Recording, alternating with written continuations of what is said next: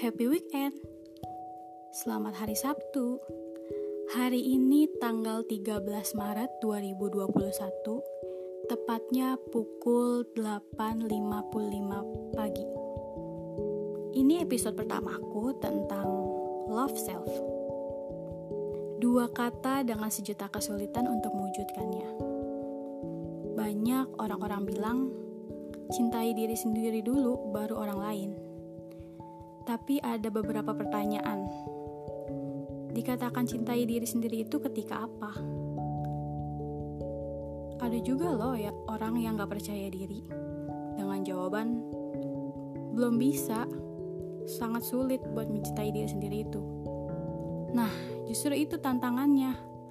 Tantangannya harus dicoba dong. Tapi ada juga orang-orang yang nyeleneh dengan jawaban lebih gampang love you aja. Padahal sama halnya seperti kita mencintai seseorang. Cinta itu datang biasanya karena ada hal positif yang kita sukai. Tentu juga ada hal negatif yang bisa kita, kita terima dong. Hal yang paling gampang sih biasanya aku sering ngaca. Terus tiba-tiba bilang, Mai, lo keren abis anjir ada satu tips untuk bisa pede dalam love self, yaitu jangan jalani hidupmu untuk membahagiakan orang lain.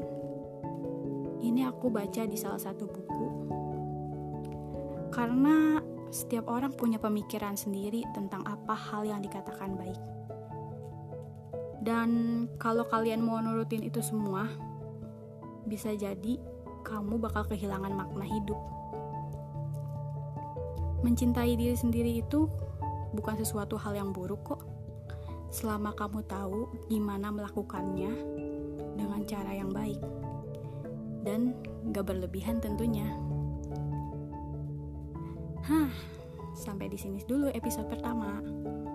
Sampai jumpa di episode selanjutnya. Bye bye.